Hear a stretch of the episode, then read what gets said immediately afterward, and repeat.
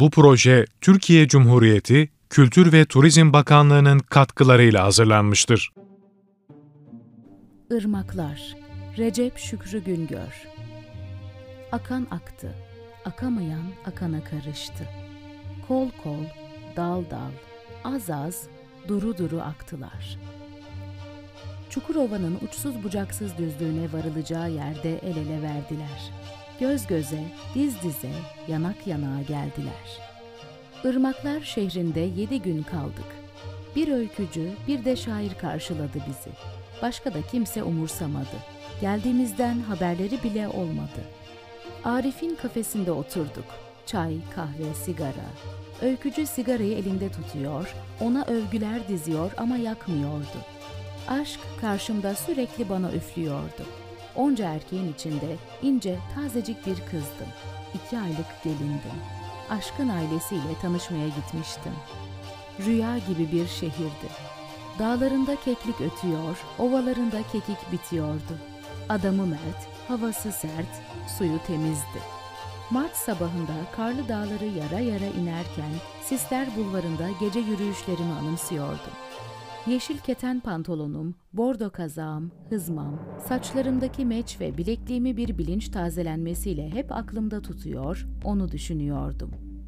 Bana şiirler yazıyor, dergilerde yayınlarken epigrafa dudağıma öpücükler kondurur gibi adımı konduruyordu. Ama ben onu reddediyordum. Bir gün şu cümleleri yazdı. Oraya geliyorum. Düşündüğün zaman yakınlarında bir yerde olayım. Kararı almama bu cümle sebep oldu. Gel dedim. Bir duru ırmak gibi ak gel. O zamanlar aşkın şehrini görmemiştim. Coğrafi özelliklerini bilmiyordum. Nedense ağzımdan çıkıvermişti işte. Ak gel. Onun şehri öyle güzeldi, öyle güzeldi ki birkaç kere aşkı evde bıraktım çıktım. O masalı doya doya, sindire sindire yaşamak, hissetmek istiyordum. Caddelerinde yürürken asırlık çınarların göğe uzanışları karşısında eğildim durdum. Selam mı verdim, saygı mı bildirdim, biz aynı ümmetiz mi dedim, hepsini dedim işte. İnsan dışında hiçbir varlığın isyan kabiliyeti olmadığına göre onların hepsi mümindir. Dolayısıyla mümin kardeşimizdir. Çınar isimli kardeşime temennada bulundum ben de. Aşk evde annesine, abine, ablasına hürmet ederken ben onun şehrine sevgimi arz ediyordum. Cadde cadde, sokak sokak anları topluyor, bir sinema repliği gibi içime atıyor, kayda geçiriyordum. Sedir ağaçları, ak akasyalar, çuha çiçekleri, buhuru meryemler, 8 Mart vesilesiyle eşine dostuna bir gül ve etrafına Hüsnü Yusuf kondurmuş aşıkları görüyordum. Rüyamda seyahat ederken bu ırmaklar şehrinde otobüsten inmiş, otogardan taksiyle çarşı merkezine gelmiş, valizini otobüste unutmuş, eşyasız bir yolcuydum. Olvido kafeye oturdum. Kasede dondurma yerken pencereden dağları, dağlarından bir düzenli ordu gibi akan ağaçları, vadilerinden süzülen ırmakları izliyor. Bu masal, bu rüya bitmesin Allah'ım diyordum.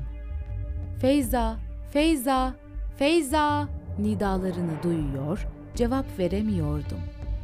Mutluluktan mı, heyecandan mı, yoksa tanımlayamadığım başka bir duygudan mı?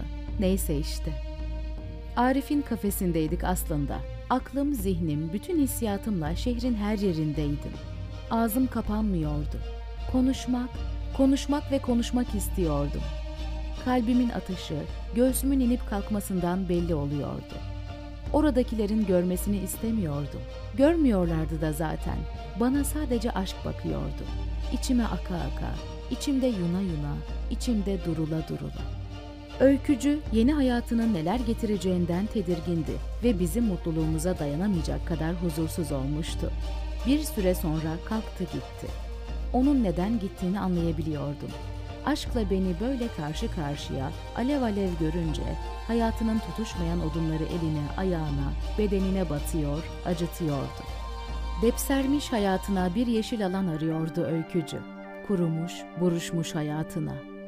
Güvez akşamlarına bir ışık, kara bulutlarına yağmur, suyu çekilmiş değirmenine su arıyordu. Yanımızda Arif'le şair kalmıştı. Arif bana tütün sarmasını öğretiyordu. Filtreyi sağ elinle kağıda sıkıştır, ona odaklan, geri kalan tarafı boş ver. Her şeyin kökü sağlam olmalı. Ağacı dikerken de kökünü sağlam kondurursan iyi tutar. Tütün sarmak da öyledir. Filtreyi koyduğun taraf köktür. Orayı iyi tutturdun mu gerisi sağlam çıkar.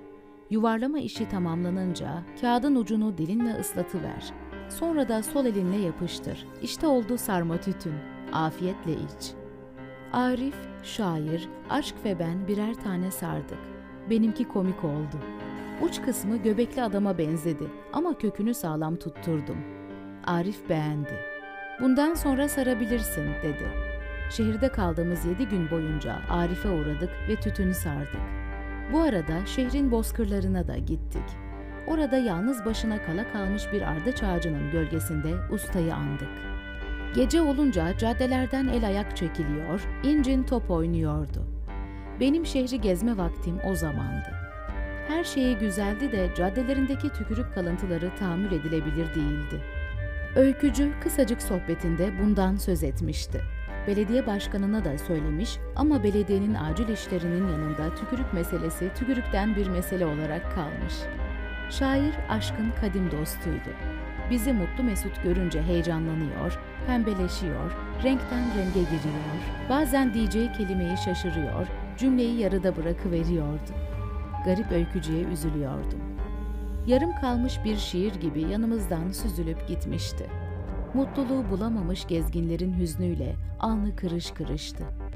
Kendini eritmiş ama öykülerindeki hayatları diriltmişti. Kahramanlarına canından can vermişti. Irmaklar akıyor, masal bitmiyordu. Her sokak bir dünyaya açılıyordu. Dulkadirler zamanından kalan bedesten, kapalı çarşı, ulu cami ve hanlar. Osmanlılardan kalan camiler, minareler yükseliyor, öte yandan Rumlardan kalma binalar asırlara meydan okuyor, depremlere, sellere, yangınlara ve deli poyrazlara direniyordu. Bu şehrin poyrazı ünlüydü. 33 koldan akan ırmaklara 33 baraj yapılmıştı. Nem artmış, eski rüzgarlar esmez olmuştu. Son gece aşk annesinin evinde uyurken ben sokaklardaydım. Deli Gönüller, Koca Başlar, Dedeoğlu, Dulkadiroğlu, Kadıoğlu ve Ramazanoğlu konaklarını geziyordum. Kaç konak vardı saymadım ama her sokak başında bir tane yükseliyordu. Taşa kazınmış sevgi medeniyetinin izlerini takip ederek şehri dolaşmanın tadı doyumsuz oluyordu. Geceydi, tenhaydı. Sarhoşlar, başıbozuklar her an her yerden çıkabilirdi. Hiçbirini umursamıyordum. Beni takip eden muhteşem bir göz vardı. O bana büyük cesaret veriyordu. Yedinci gün masal şehirden ayrılırken bizi uğurlamaya öykücü gelmişti. Kayıp Ruhlar Kıraathanesi'nde oturduk. Ben Arjantin kahvesi içtim. Aşk ile öykücü közde Türk kahvesi istediler. Öykücünün dilinde makarnacı kadınlar vardı. Makarnacılara aşk gülüyordu sürekli. Bir de güzellik takvimi. Bu tasarısını alsam mı acaba? Aynısını yazsam bile aynı metin çıkmazdı ki. Gene de öykücünün eskizleri öykücünün olsun. Ben ırmak hikayemi yazayım. O öykü dedikçe ben ısrarla hikaye diyordum. Şehrin çıkış kapısı sayılan Kemerli Köprü'ye kadar geldi. Köprünün başında arabasını durdurdu. Bize el salladı. Sanki hacı yolluyordu. Sanki Almanya'ya gurbetçi gönderiyordu. Sanki yeni atanmış bir yakınını uğurluyordu. Irmak akıyor, biz gidiyorduk. Kaldı orada, o masalın içinde. Biz İstanbul'a yol alırken öykücünün anındaki kırışıklar hayalimden gitmiyordu.